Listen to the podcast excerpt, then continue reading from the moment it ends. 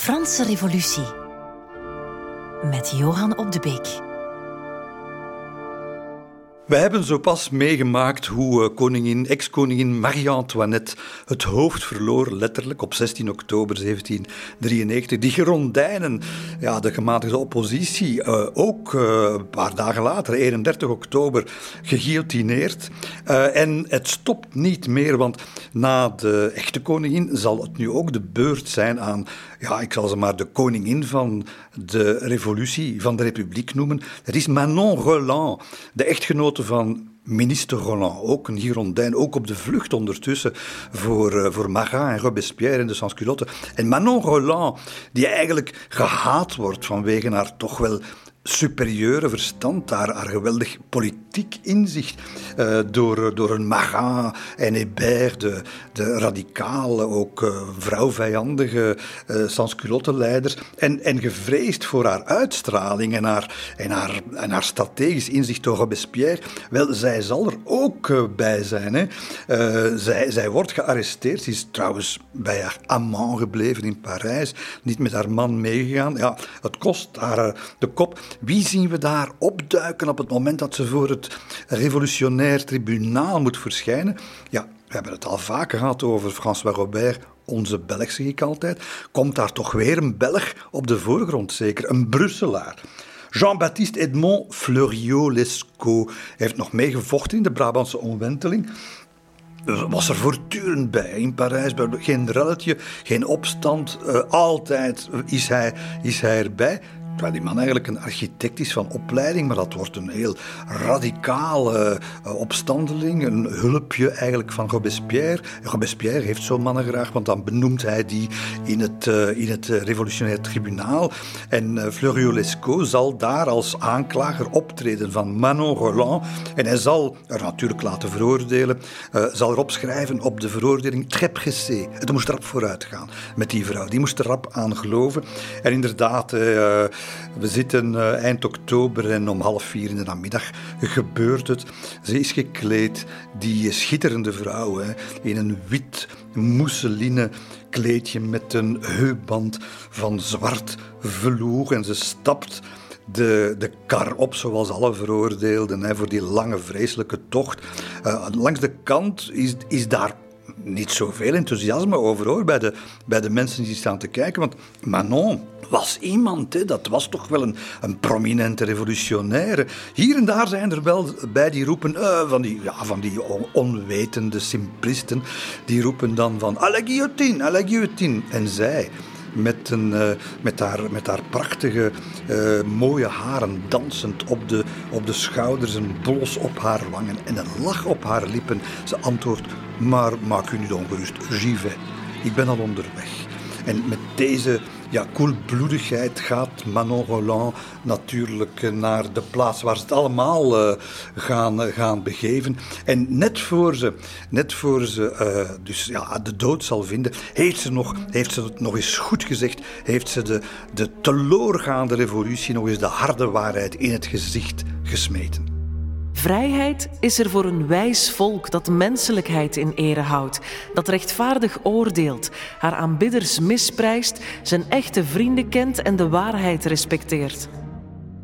Zolang u niet zo'n volk bent, o medeburgers van mij, is het u niet gepermitteerd om over vrijheid te spreken. Steeds opnieuw zal u in dezelfde val trappen. U zal om brood smeken en u zal lijken in de plaats krijgen. En u zal eindigen als onderhorige. Minuten later verhuist Manon Roland naar een andere wereld, hopelijk een betere wereld.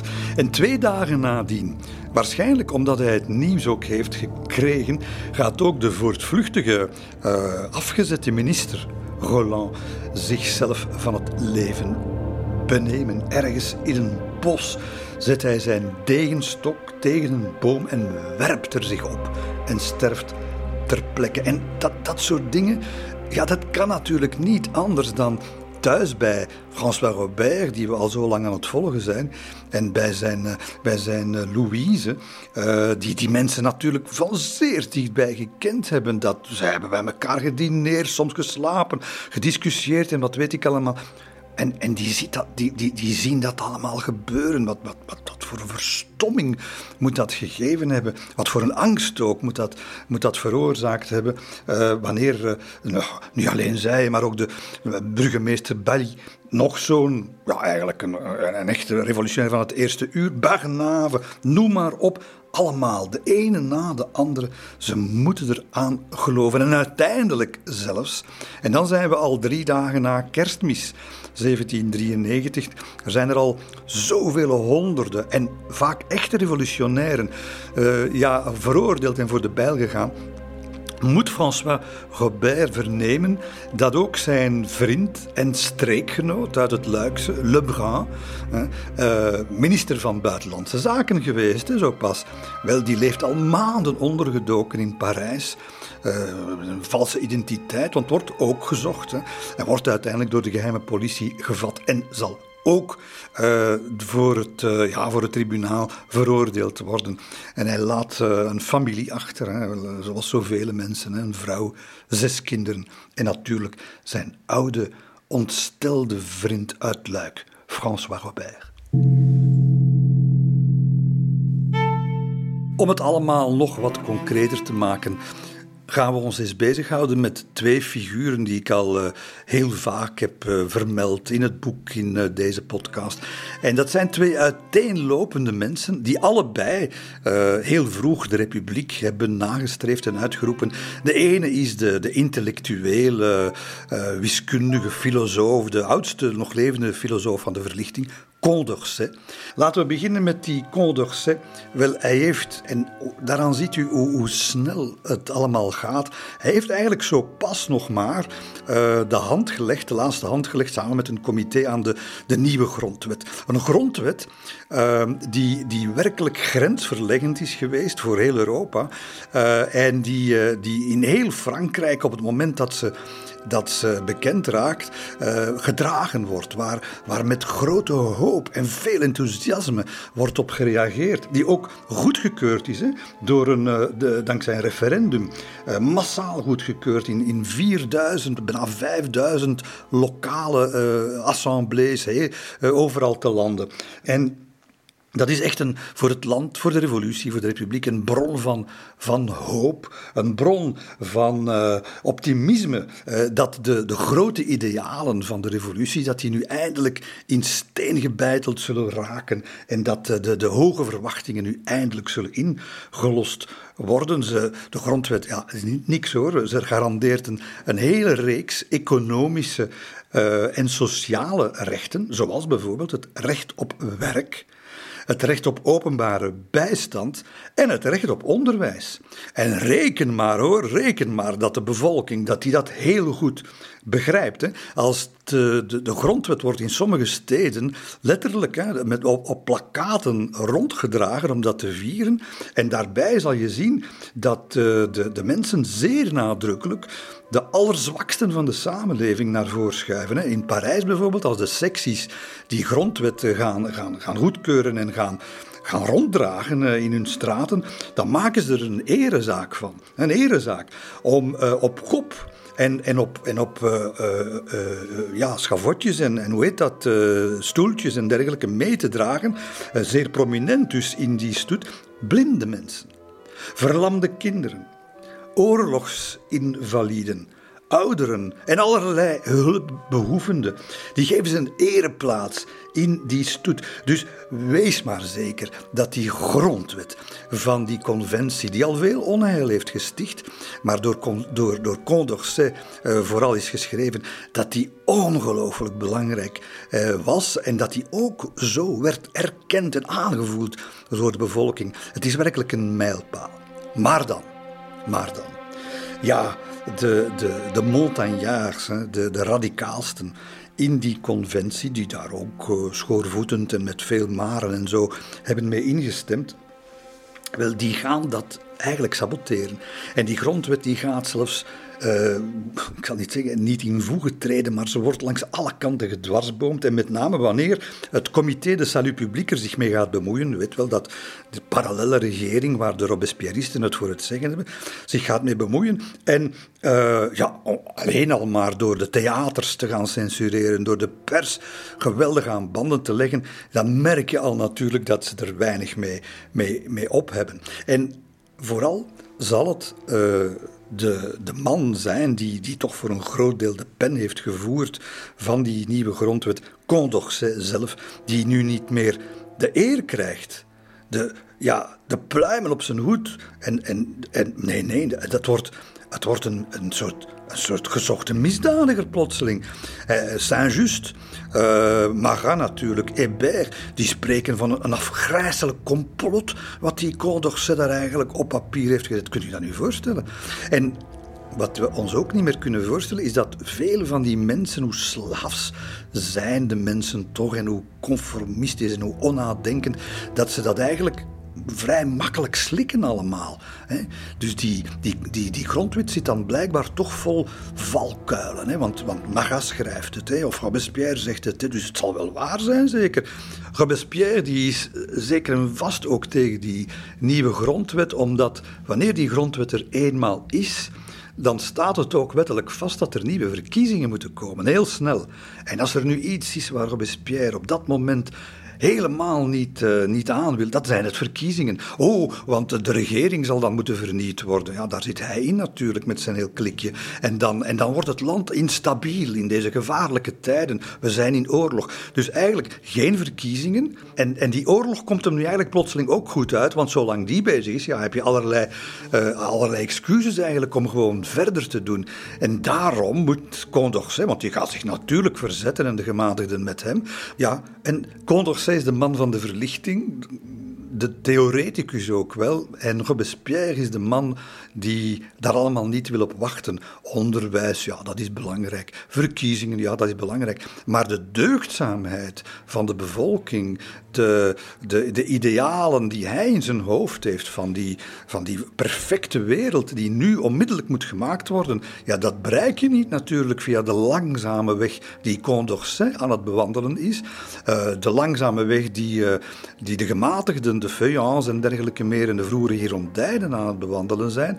Nee, dat zijn allemaal obstakels voor Robespierre. Robespierre die wil, die wil, die wil het ideaal, de, en alles wat daar in de weg staat moet weg, die wil het ideaal nu verwezenlijken. En Condorcet, dat wordt opgejaagd wild.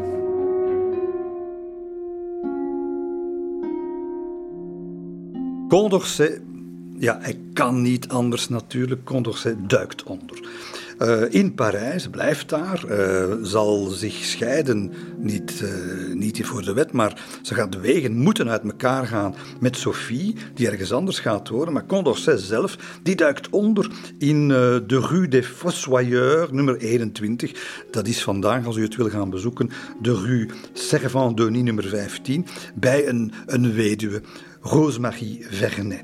Uh, dus een smal straatje dat uitkomt op de Palais de Luxembourg. Uh, en een paar vrienden, hè, bekende namen trouwens hoor, Cabanis, uh, Gara, die hem, daar, die hem daar in allerijl hebben ondergebracht. En die, die mevrouw Vernet, die, die oudere weduwe, die, dat, ja, daar, dat is zo'n een dametje waar je het natuurlijk ook weer niet aan ziet, maar dat is eigenlijk, daar gaat een heldin schuil achter die, die verrimpelde huid en die grijze haren. Want ze vraagt wanneer hij daar aanbelandt en ze hem daar onmiddellijk een kamer geeft, uh, ze vraagt niet eens om wie het gaat. Uh, die man wordt gezocht, kom maar binnen. dat is nog eens, dat is nog eens uh, moed hebben natuurlijk. Maar kom maar binnen. Maar buiten gaan zal hij nooit meer doen. Hij heeft nooit nog, in, en hij gaat daar maanden zitten. Condorcet, de man van de wereld, de man van, van ons zonnestelsel, de man die verder kijkt dan, dan de horizonten, gelijk welke, die zal nooit nog een voet buiten de deur zetten. Zijn asiel wordt tegelijkertijd ja, zijn, zijn gevangenis. Hè. En toch zal hij daar nog fantastische mooie dingen schrijven. En, en, en natuurlijk scherpe aanklachten tegen het macabere poppentheater dat de revolutie is geworden. Zij kunnen de mensheid doen huilen om het verlies van enkele uitzonderlijke en kostbare mannen die het volk waardig zijn. Zij kunnen het land doen kreunen onder het onherstelbare onrecht dat zij aanrichten. Maar zij zullen nooit de vooruitgang van de verlichting kunnen tegenhouden. Zelfs al hebben ze haar tijdelijk gestopt. Ze zal opnieuw beginnen en sterker worden. En de man die uh, bijvoorbeeld daar de laatste hand ligt aan zijn Progrès de l'esprit humain. De titel zegt al, zegt al zoveel over waar die man mee bezig is. Wel, terwijl hij dat aan het schrijven is, uh, en hij uh, aan, het, aan het rusten is, aan het nadenken is op zijn bergère met zijn, met zijn oude benen uitgestrekt voor de brandende haard, want hij leed altijd kou, Condorcet, dat heeft hij gemeen met Napoleon.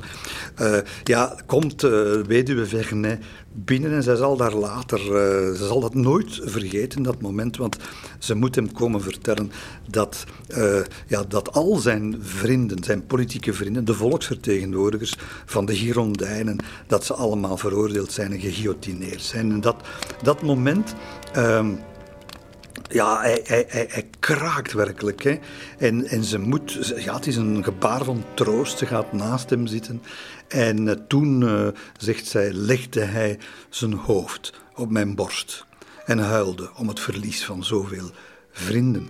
Ja, je kunt het je inbeelden, hè. ze hebben zoveel geriskeerd alle, al die mensen zoveel geriskeerd voor de mensenrechten, voor de afschaffing van de slavernij, voor de gelijkwaardigheid van man en vrouw en natuurlijk voor de vrijheid en de gelijkheid van alle mensen. Ze hebben de monarchisten het hoofd geboden, ze hebben getracht om de clan van Robespierre uh, te, te kiel halen, maar nu, uh, nu is het, uh, het, het, het, is gedaan voor velen. En hij blijft, hij voelt zich bijna schuldig dat hij nog, dat hij nog leeft. Maar er vreet ook nog iets anders aan die Condorcet en dat is natuurlijk zijn persoonlijk verdriet, dat gemis van die fantastische vrouw, die Sophie, die, uh, die hij niet meer bij zich heeft. Hè.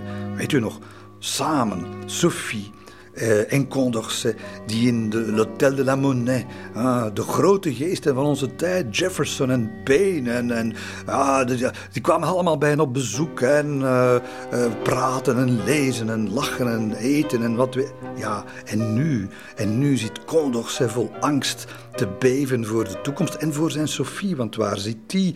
Wel, die, die woont ergens anders en ze, ze, trachten elkaar nog te zien af en toe. Het is natuurlijk zeer gevaarlijk, want de geheime politie volgt haar.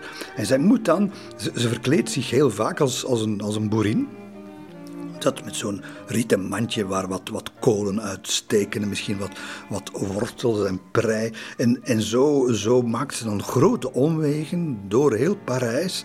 Uh, via de Rue Saint-Honoré om zo tot aan het Luxembourg te komen en dan nog wat om te kijken in dat park, tot ze dan toch bij de, het huis van Vernet uh, geraakt. En eh, dat zijn telkens, dat zijn natuurlijk hartverscheurende uh, momenten waar het afscheid vreselijk moet geweest zijn. Want Condorcet, die heeft, die heeft schrik niet voor hem, maar voor haar. En hij zegt daar telkens opnieuw, hij smeekt daar bijna, kom, je moet niet meer komen. Doe dat niet meer, want dat is te gevaarlijk. Ze, mijn hoofd, uh, daar staat een prijs op, maar, maar we moeten vermijden dat dat bij jou ook uh, gebeurt. Waar zit ze? Uh, zij zit eigenlijk bij, een, uh, bij ook een, bij een weduwe zij zit bij de, de weduwe van Helvetius. Helvetius, voor wie de geschiedenis van de verlichting kent, een naam als een klok hoor. Helvetius is een, is een, een collega verlichtingsfilosoof geweest van, van Condorcet. Dus hoe, hoe nauw het allemaal luistert en hoe ze elkaar toch in barre tijden hebben, uh, hebben geholpen. En dus ja, wanneer ze, wanneer ze daar uh, aan belandt, dan heeft ze in haar dat mandje onder de prei, heeft ze dan, uh, heeft ze dan linnengoed bij, hè, schoon linnengoed en, en snoep, want hij snoept ook graag. En de kranten, want hij wil op de hoogte blijven natuurlijk van wat er zich allemaal afspeelt, van, de, van de realiteit van de situatie. En die situatie ziet er elke dag meer en meer afgrijzelijk uit. Het zijn beesten.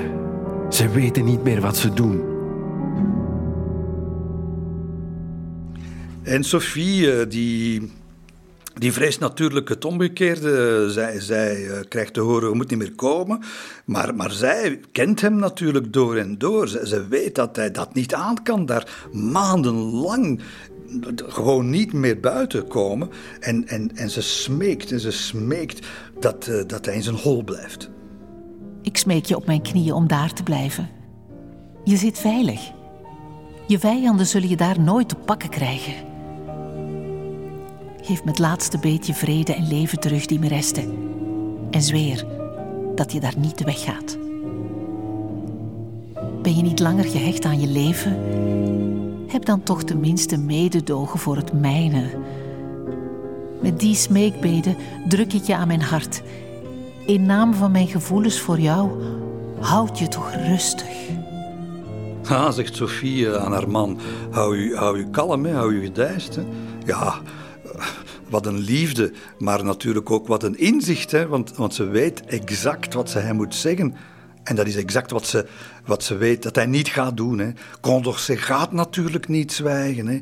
Die man zal zijn geweten niet sussen. Hè. Die zal niet kunnen leven met die dictatuur die nu uh, ontsproten is aan die fantastische revolutie die hij, die hij meegemaakt heeft. En hij zal blijven schrijven. Die geschriften bereiken natuurlijk uh, de achterban, maar bereiken natuurlijk ook Robespierre, het Comité de Salut Public en dergelijke meer. En ze zoeken meer dan ooit. En op 13 maart 1794, hij is nog altijd in leven hoor, maar zal uh, Saint-Just, ah, de, de, ja, de, de sabelslijper, de, de, de geslepen trawant van Robespierre, die de vuile was altijd opknapt, die zal in de conventie aankondigen dat de terreur, hè, want dat is het officiële, de officiële benaming van het beleid, de terreur zal in een, een tandje bijsteken, hè, een hogere, hogere versnelling. En concreet, onder meer, betekent dat dat uh, voortvluchtigen, zoals bijvoorbeeld Condorcet een is, dat die voortaan, uh, wanneer ze gepakt worden, niet eens meer een proces krijgen. Die gaan recht het schavot op. Meteen kiel halen. En hetzelfde, en, en dat is natuurlijk belangrijk voor zowel Sophie Condorcet, maar ook voor de weduwe Vernet, die hem, die hem asiel biedt thuis. Wel, dat ook die mensen, die worden buiten, buiten de wet gesteld. En dus als je iemand onderdak verleent, uh, dan word je als medeplichtig. En dan ga je ook meteen uh, onder, de, onder de guillotine. En het is in die ja, die, die verschrikkelijke, beklemmende sfeer die in de stad heerst. En natuurlijk daar, daar thuis bij Vernet. Dat uh, op 24 maart komt daar iemand uh, aankloppen. Men is natuurlijk bang voor elke klop op de deur. Hè. Dat kunt je al denken of het nu de, de, de, de, ja, de buurvrouw is of iemand anders. En dan staat iemand en die, ja, die, Vernet die, die weet niet wat ze moet denken, maar ze, ze, ze is slim genoeg om het door te hebben hoor. Want die, die man, die, je voelt, die, die, die kan niet voluit praten, maar die komt toch met een waarschuwing en die zegt. Madame zegt, ze zijn eh, hier in de buurt uh, op zoek naar salpeter. Er werd gehamsterd, hè, dus bijvoorbeeld salpeter werd gehamsterd. Ze zijn op zoek naar salpeter en, en ze zijn huiszoekingen aan het doen. En hup, en die is weg. Vernet die beseft, u heeft helemaal geen salpeter in huis. Nee, maar ze heeft wel iets anders in huis. Ze heeft Condorcet in huis. En dus, ja, uh, een, een wel ingelichte en goed bedoelende uh, beschuttings, beschuttende engel hè, is haar komen bezoeken. Hè. En voilà, ze praten erover. En bij het vallen van de avond, zonder paspoort, zonder papieren, zonder bagage, vertrekt hij. Hij gaat uh, Vernet, huis Vernet, verlaten. Zij probeert hem nog te overtuigen hoor, want ze weet dat dit, dit is, dat, dat kan alleen slecht aflopen. Maar nee, hij, hij wil het daar niet aandoen. En Condorcet, die, die grote geest van, van de moderne tijd, die, die staat gewoon uh, ja, in, in zijn naki bijna op straat uh, trekt. De man is al oud, hè, vergeet dat niet. Die heeft, heeft maandenlang op zijn canapé gelegen of achter zijn schrijftafel. Die heeft stramme, bijna verlamde benen. En die doorkruist Parijs alleen. Hè. De huiszoekingen die zijn overal aan de gang. Hè. En hij zal nog kunnen, met hulp van vrienden zal hij, uh, zal hij de stad kunnen verlaten op zijn koude benen. Alles wat hij bij heeft is een scheermes, een uh, kleine schaar een zilveren potloodhouder en een boekje. Het enige boekje dat hij meeneemt is een werkje van Horatius. En ja, in een rijtuig gaan zitten, dat is uitgesloten, want die worden gecontroleerd natuurlijk. Maar hij heeft, in Folten heeft hij, eh, zo'n 9 kilometer buiten het centrum van de stad, heeft hij vrienden wonen. Het is te zeggen, hij denkt dat dat vrienden zijn. Uh, en, en hij gaat daar, host van de nacht, gaat hij daar aankloppen. En of hij uh, kan binnenkomen en niks van. mensen hebben angst. ze, ze hebben angst om zelf aangeklaagd te worden en ze wijzen hem de deur weg. De Leidensweg gaat hem nu van gehucht naar gehucht brengen. Uitgeput belandt hij in het dorpje Clamart. Hij stapt daar een herberg binnen, bestelt daar twaalf gebakken eieren. Ja, hij had honger natuurlijk, maar dat toch wat speciale uiterlijk, die verfijnde blik, wat zal het geweest zijn? Ja, je ziet dat dan zo, mensen. Hè? Dat is natuurlijk niet je gemiddelde boerenzoon die daar zo'n cafeetje binnenstapt. Uh, hij, trekt de aandacht natuurlijk. Hè? Uh, zeker van die paar sansculotten die daar de geneugtes van slechte wijn aan het beleven zijn in dat, uh, in die, in dat stulpje. En nog voor de omeletten op tafel verschijnen, wordt hij gegrepen. En zij gaan hem onmiddellijk ondervragen. slaagt erin om nog een verhaaltje op de mouw te spelden. Een, een, een, verhaaltje dat er geen is natuurlijk, want niemand gelooft hem.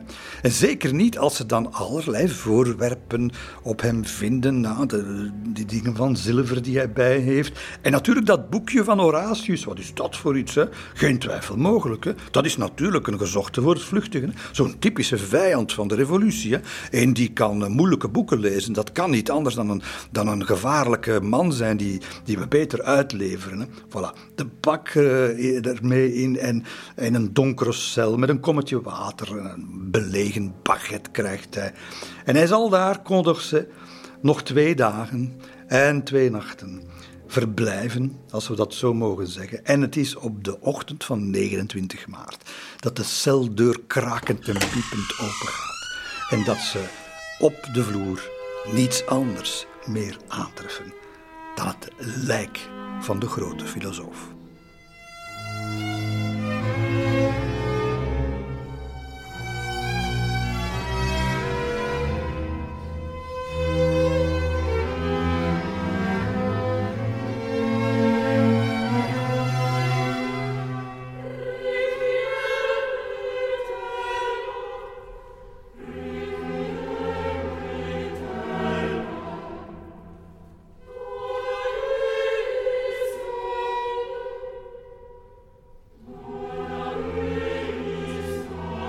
Ja, zo worden de, de intellectueel uh, gematigde tegenstanders uitgeschakeld. Maar het verhaal van uh, onze Belg François Robert maakt ook duidelijk dat, dat ook de, ja, de, de hardliners, dat die, zelfs zij niet meer veilig zijn. Want wat gebeurt er? Wel, we zitten natuurlijk op een moment dat de economische situatie, de sociale toestand van de mensen bijzonder slecht is. Hè. Het is niet te vergeten oorlog. Uh, en de, de, economische rampspoed die de bevolking treft, ja, dat kan natuurlijk niet, en de kranten zorgen daar ook voor dat dat ook zo wordt begrepen, dat kan natuurlijk niet de schuld zijn van de revolutie. Nee, nee, nee, dat is de schuld van de, van de bloedzuigers, hè. de sans du peuple, de, degene die het, ja, het vel afstropen van de gewone En Rosalie Julien die beschrijft dat eigenlijk in één zin prachtig wat ze ervan denkt. Egoïsme, eigenbelang en corruptie. Dat zijn de drie monsterlijkheden die typisch zijn voor aristocraten, priesters en de rijken die altijd de armen uitbuiten.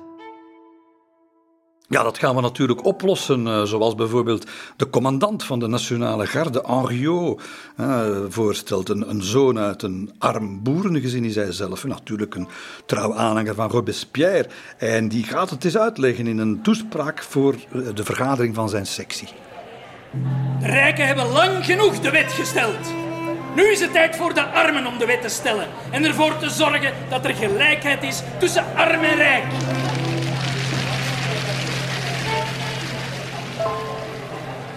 Mensen hebben geen verstand van economie en van de wetten van de economie. Dus dat onophoudelijk gebrek aan levensmiddelen, ja, dat heeft duidelijke oorzaken. voor wie die wetten begrijpt. De, de, politie is niet georganiseerd, er zijn slechte oogsten. Er is een totaal gebrek aan het officiële betaalmiddel. Want men betaalt niet meer met echt geld, maar met assignaten, zo'n republikeins papieren geld, dat voortdurend in waarde vermindert, dat de inflatie aanjaagt, waardoor de koopkracht in elkaar stuikt. En men eist ook dat uh, degenen die er uiteindelijk geld aan verdienen, dat, uh, dat die gestraft worden. En wie zijn dat dan, die bloedzuigers? Wel, maar gaan natuurlijk niet zomaar een of ander kasteel aanvallen, nee, want die zijn voor een stuk al uh, allemaal uh, gebrandschat. Nee, het zijn de zogenaamde accapareurs.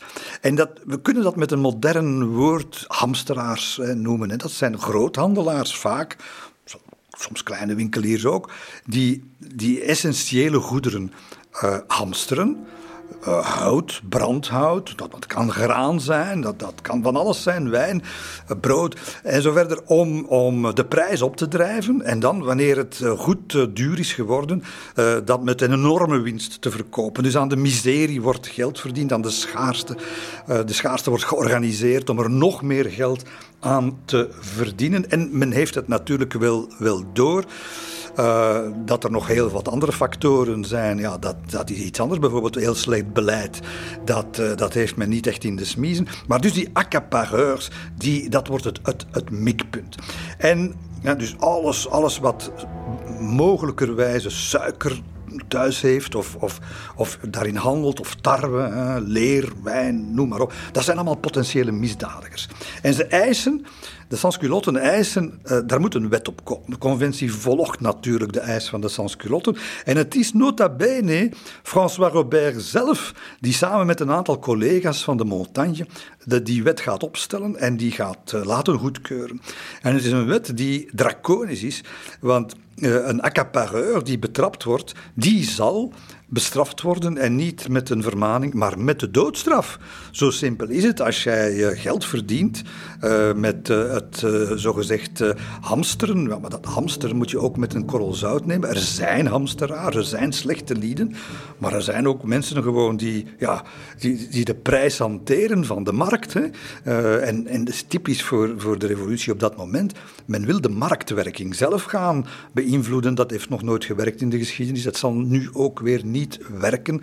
Hè, maar het, het, kaf wordt niet van het koren gescheiden. En dus iedereen eigenlijk die met levensmiddelen te maken heeft en daar ook nog maar één halve centiem aan verdient, ja, die, die heeft men in het vizier.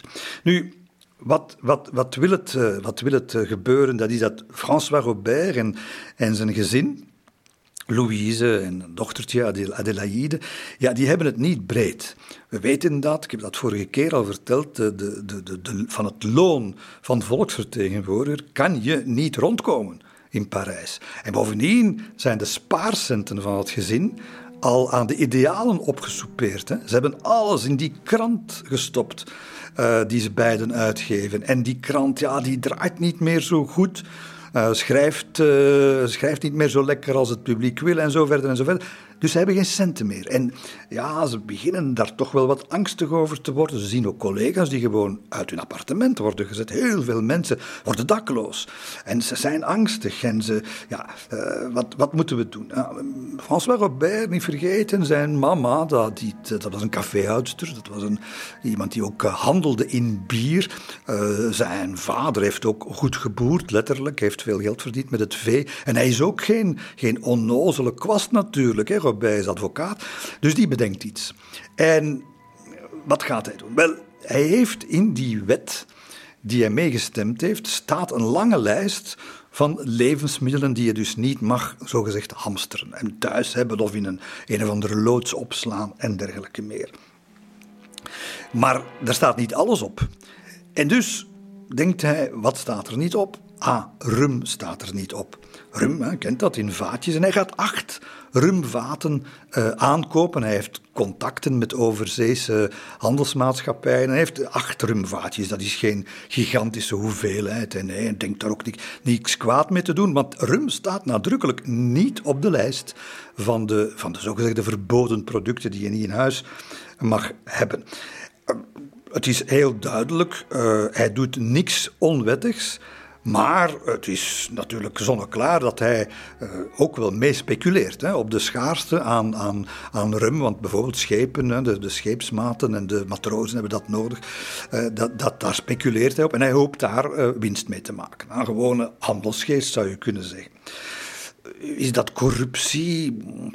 Ik, ik durf dat toch zo niet te zeggen. Maar hij heeft eigenlijk wel goed gezien.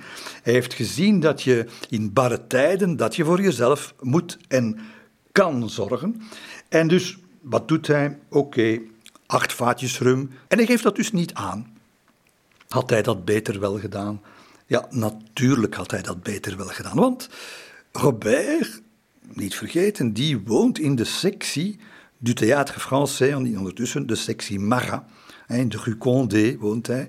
En dat is natuurlijk een hele radicale sectie. De oude Cordelierswijk, de, de aanhangers van Hébert, de meest extreme uh, linkervleugel, zullen we maar zeggen, uh, die, die heerst daar. En, en er is natuurlijk ook zoiets als de onderlinge politieke concurrentie binnen, binnen de, de, de radicale vleugel. Hébert die wil het vel van Danton. En Robert is natuurlijk een man van Danton.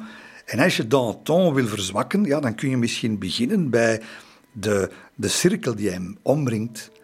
En wat gaat er gebeuren? Wel, op een dag krijgt, uh, krijgt dus uh, het gezin Robert bezoek van de commissaris van de sectie, een zekere Ducroquet. Ducroquet, in gewone dagen kapper, parfumeur, maar nu een man die uh, voor Hébert werkt, die de ene na de andere landverrader en revolutionaire verrader ontdekt en naar, de, naar het tribunaal laat slepen. Een wandelende wijnzak ook hoor, want hij is voortdurend dronken. Du croquet, je kan je daar beter niet laten kappen dus. Uh, en, maar, maar hij komt daar toch zat geladderd en vergezeld van een aantal andere sansculotten bij de, bij de Roberts aankoppen. En of Robert wil even zijn kelder wil laten zien. Robert die, hij kan niet anders, hè, want hij moet wel doen wat die commissaris zegt. En tweede denkt hij, ik heb niks te verbergen, want die rum die ze daar gaan vinden, ja, dat is volledig wettelijk. Ducroquet, die denkt daar anders over. Hè? En die zegt van, haha, jij hebt hier, uh, hebt hier rum, uh, dat, is, dat, is, dat is verboden. Helemaal niet, zegt Robert, dat is helemaal niet verboden. dat dat staat, staat niet op de lijst. Ja, maar hij slingert hem op de bon, verzegelt die kelder. Ja, Robert die denkt nog altijd, de man, eh, deze, ja, dit, dit, dit dronken schepsel, uh, de croquet, die, die staat in de hele wijk bekend als een echte idioot. Ik, denkt Robert, ik sta bekend als de medegrondlegger van de republiek. Wat kan mij gebeuren? Wel, dat is natuurlijk een fatale onderschatting van de situatie. Hè. Uh, zijn, zijn hele sectie koestert al lang een wrok. Uh, misschien nog niet eens zozeer tegen François, maar zeker tegen, tegen Louise. Want zij heeft bijvoorbeeld Marat in der tijd op zijn nummer gezet. Een vrouw die Marat op zijn nummer zet, dat kan al niet. Hè? Uh, zij heeft ook Robespierre nogal, uh, uh, nogal geschoffeerd. Hè? Want ze heeft ooit eens gezegd, uh, iemand had in de krant geschreven dat Robespierre en Marat bij haar waren komen eten. En zij, zij heeft daarop geantwoord, daar is niks van aan. Marat is nooit bij ons uitgenodigd en dat zal ook nooit gebeuren. Ja, dat moet je maar zeggen hè, in zo'n wijk. Wel, nog altijd hebben ze het niet door, maar, maar Robert trekt naar de speciale commissie van de conventie, dus van zijn collega's, de volksvertegenwoordigers, waar dat soort akkefietjes rap gaan opgelost worden. En natuurlijk, die geven hem gelijk, want Rum staat niet op de lijst. Dus Oké, hij denkt dat hij ervan af is, maar niks van. Ducroquet, die brengt dat, die Hébertist, die brengt dat voor zijn uh, sectiecomité. En dan zie je de machtsverhoudingen ook. Hè.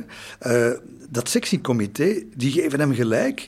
Zeggen, die Robert, dat is, dat is een overtreder van de wet. Dat is nog bovendien een volksvertegenwoordiger. Die moet, er, die moet eraan geloven.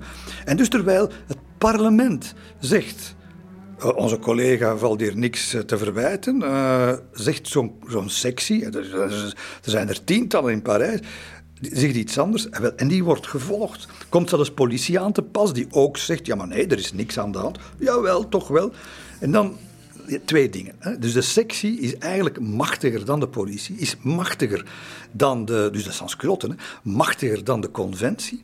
En bovendien zie je nog een ander aspect naast het, het politieke, het afrekenen met de, de, de groep Danton zie je ook iets anders dat eigenlijk ook al de hele revolutie bezig is en dat vaak niet benoemd kan worden of, of wil worden.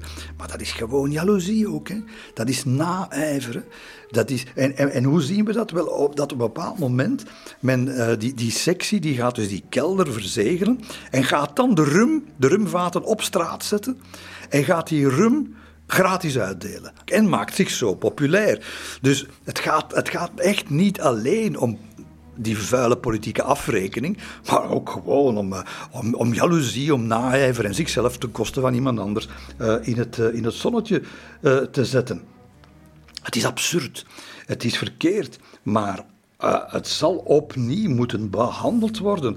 En het wordt nu zo erg dat de vijandschap in de sectie, dus in heel die Cordelierswijk, ten aanzien van die topcordelier die hij toch ooit is geweest, wel, het wordt zo erg dat ze, dat ze moeten onderduiken. Louise en het kleintje moeten s'nachts bij vrienden gaan slapen. Hè? Dus uh, het, het, comité daar in, in, in, de Tuilerieën mag zeggen wat het wil. Die worden straal genegeerd door de sansculotten. En dan zou je denken van, Robert, hou je, nu even kalm, hou je nu even in, hou je nu even schuil. Hij beseft dat ook later zelf. Hij doet dat niet natuurlijk, hè, want hij is in zijn recht. Zijn luikse temperament zal hem ook wel de baas geweest zijn. En hij wil zijn reputatie uh, gaaf houden ten aanzien van de publieke opinie. Dus hij vaart uit in de krant tegen die, uh, tegen die sectie tegen uh, de extremistische klik van Hébert en wordt nog eens voor de conventie gedaagd. Deze keer voor laster. En eensklaps ja, wordt hij daar de rotte appel. Uh, de, de, er zijn er verschillende, verschillende volksvertegenwoordigers van de, de meest extreme soort, die hem, ja, en dat is die afrekening met de groep Danton, uh, die, die nu begint door te wegen en waarvan hij nu pas begint door te hebben van ze moeten ze moeten mijn niet hebben, ze moeten mij hebben. En ze moeten dus eigenlijk Danton hebben. Maar dat is te laat dat hij dat inziet. Uh, dus kostbaar voedsel, hamstertijen. Uh, de, ja, hij zag zo op het gezicht van de collega's in de Tuilerieën, daar in de, in de zaal van de conventie, ziet hij zo de, de weerzin groeien tegen die beschimpte onverlaat die hij nu plotseling is geworden. En, waar je, en dat is dat conformisme dat er ook altijd is geweest, die angst om geïnfecteerd te worden door de beschuldigde. Niet het, het recht laten zegenvieren, maar vooral zorgen dat je zelf niet mee de, in de dans geraakt. En je ziet dus, de mensen vallen hem af, de, de collega's vallen hem af. En iemand zegt, oh, zijn kop moet eraf, hè. Zijn kop moet, de doodstraf. Ja, dat staat namelijk in de wet. De wet die hij zelf gestemd heeft. En men zegt zelfs, als die Robert niet wordt gestraft, dan is het voorbij met de vrijheid. Ja, de vrijheid. Uh, zo gaat het altijd met dat ideaal. Hè. Degenen die het meest onze vrijheid bedreigen, dat zijn vaak degenen die haar altijd maar in gevaar zien. En vervolgens alles geoorloofd achten om dat gevaar te bezweren. Hè. En, en ja, manipulatie uh, is, is natuurlijk van alle tijden, maar nu gaat het wel heel ver. Hij ziet overal om zich heen in die conventie, ook bij de vrienden, argwanende blikken. Mensen die hem inderdaad, ja, dat denken we, toch maar laten vallen. Zeven uur Kunt u dat voorstellen? Over acht vaatjes rum bij François Robert in de kelder. Zeven uur heeft de conventie daarover gediscussieerd. Had er niks beters te doen? Nee, want het gaat over essentiële dingen, niet over die acht vaten. Nee, het gaat over wie gaat hier de politieke macht veroveren natuurlijk. Hè? Hoe kunnen we die klik rond Danton liquideren en zelf daar beter van worden? Ah, als hij thuiskomt, ja, Louise zal hem moeten getroost hebben. Hij heeft nachtmerries gehad. Hij gaat de dag daarna bij zijn beste uh, revolutionaire vrienden Collot d'Herbois en Biot Varenne niet van de Poes, die twee ook heel radicale figuren, gaat hij om hulp vragen. Ijskoud, zeggen die hem gewoon de wacht aan. Willen er niks mee te maken hebben. Hij staat er alleen voor. En ja, het, het, het, het, het komt dus tot een uitspraak hè, in, die, in die conventie. En hij, hij beeft aan zijn riet. Zijn, zijn, het kan, misschien haalt hij de avond niet eens. Hè. En dan is het moment daar dat daar een, een, een zekere Joseph Le Bon op staat, een volksvertegenwoordiger, die luistert naar Robespierre. En Robert, je kunt al denken, die zegt, ja, nu is het gedaan. Hè. Nu, uh, die, die, die ja, stond ook bekend als een koppensneller. Die, die Le Bon zal, zal nog veel mensen naar de guillotine laten slepen. Uh, maar nee, Le, Le Bon die zegt, ja jongens, wij hebben toch misschien die wet niet zo goed gemaakt. Die is niet duidelijk genoeg. En je kunt toch niet iemand veroordelen voor een verkeerde wet in afwachting dat die wet nog moet veranderd worden. Dat gaat toch niet? Ah nee, dat, dat, ja, daar waren ze het eigenlijk wel mee eens. En de zaak wordt niet geseponeerd, maar ze wordt naar een of ander commissietje doorverwezen.